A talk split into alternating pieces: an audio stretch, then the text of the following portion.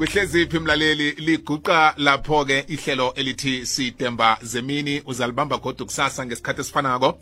Qobe ngomvulo bekubengele sine siba nombuzo omkhulu oqhakathekileko ehlelweni sidishile nasisonga ihlelo sidemba zemini.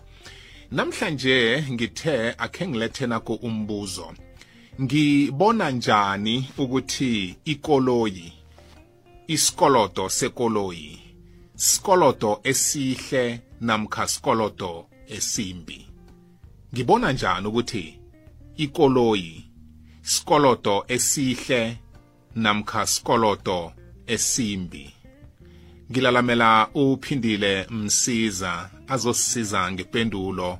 Mluleki wezemali uvela kusipho sethu esihle consulting. Locha namholosi akwande mthombothi njani sikhona dadwethu kunjani kuwe? Awa sifile ngilothise nomlaleli ekhaya. Kwamambala. Yazi sibaningi nasithoma ukusebenza into esiyihabelako kuthenga ikoloyi. Sinenzathu zethu zokuthi kuba yini sifuna ukuthenga ikoloyi.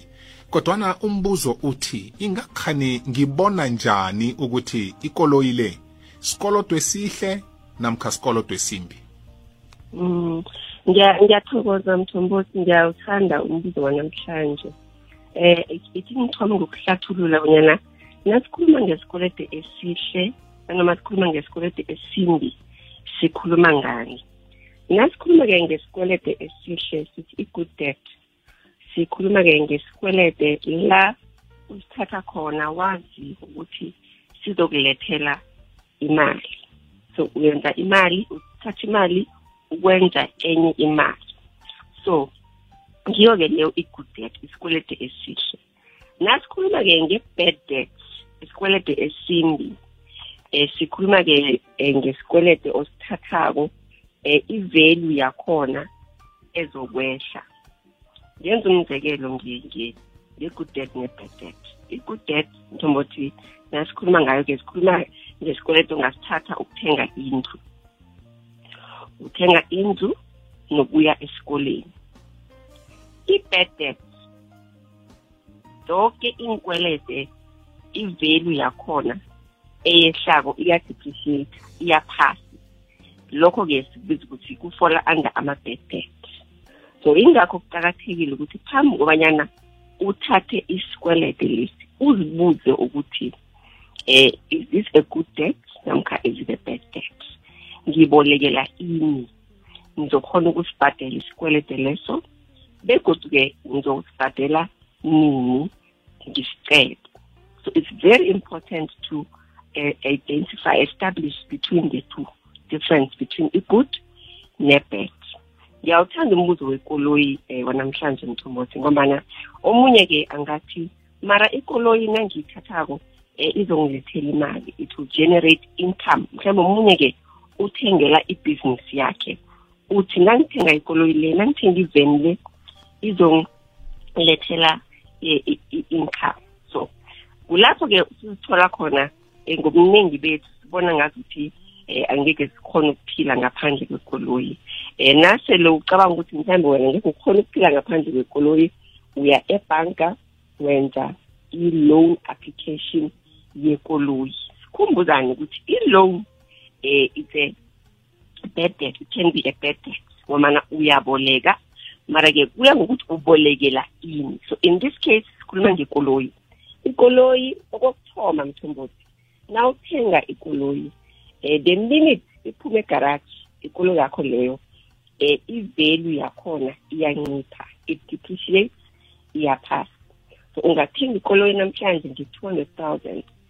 Five months later na ufuna ukuyithengisa ikoloyi leyo um it will not be worth i-two hundred thousand wena oyithenge ngayo five months ago. I-value yakhona izabe seyinciphile yehlile. Okhunye-ke ngekoloyi le yes it might still be on a good value you can still sell it nge-value ehle ebonakalako. Mara-ke kuyenzeka ukuthi ikoloyi yakho leyo iyetshiwa kuyenzeka ukuthi ikoloyi yakho leyo iyachayisa um sikhumbule ukuthi ikoloyi nayichayisileko i-value it still goes down. Enye-ke kungaba ikoloyi uthole ukuthi seyinama-dent um ama-light awasasebenzi kuhle um seyinama-problems ngamaxashi njalo njalo. Lokho-ke kuyenza ukuthi i-value yakho yekoloyi leyo iye phasi. So we must always remember ukuthi ngangithenga ikoloyi le um kokuthoma am I borrowing? Am I taking a good debt or a bad debt? Ukhumbule ne-value yokuthi izokwehla ikoloyi it's not an asset njengendlu it is a liability. Okhunye-ke mthombothi ngikoloyi le ngiyawuthanda umbuzo wakho ukuthi omunye uthoma ukusebenza and the first thing umuntu omutsha ayicabanga nakathola imisebenzi ufuna ukuthenga ikoloyi. So njengoba ngitshilo ukuthi ask yourself a lot of questions. A few questions ukuthi is this a good debt? Am i borrowing for a need? Namkha am i borrowing for a want? Um is it possible ukuthi mhlambe ngingabulunga imali eh to a, a, a certain stage la ngizokhona ukuthenga khona ikoloyi cash mhlambe nakukhonakala? Ngilapho-ke ngiyazi ukuthi i don't have a lot to lose in terms of imali mina engithenge ngayo ikoloyi le esikhuluma ngayo so be very calculative phambi kobana uthenge ikoloyi phambi kobana uthathe isicundo sokuthi ngiyayithenga ikoloyi. Be very calculative. Ask yourself questions. Will you be able ukuyibhadela ikoloyi leyo? Ikoloyi um mthombothi awumane uthole ikoloyi. Ikoloyi needs service. It needs to be serviced. It needs i-petrol amavili njalo njalo. Ask yourself questions ukuthi uh, will i be able ukubhadela zonke izinto ezithokakalako nasele nginayo ikoloyi le. But just to go back to the question a car is not really classified under a good debt. It falls under a bad debt because i-value yakhona it depreciates Hmm. Yazi ngithule nje ngilinde ukuthi uzokufika endabeni ye-interest ngoba kungenye yento nasithenga ikoloyi esingayiqaliko. Ngoba ngibona ikoloyi ibekwe iprice yaka 200,000 yes. Ngiyithatha ngesikolodo. Angikacalculate amakonyana asayokungezelelwa phezu kwevalue le ye-200,000 sele ngiqedile ukuyibhadela after 7 years uzokuthola ukuthi ngithenge kuhle kuhle ikoloyi le ngo-420,000 or ngo-450,000 nasekungezelelwe namakonyana Mhm.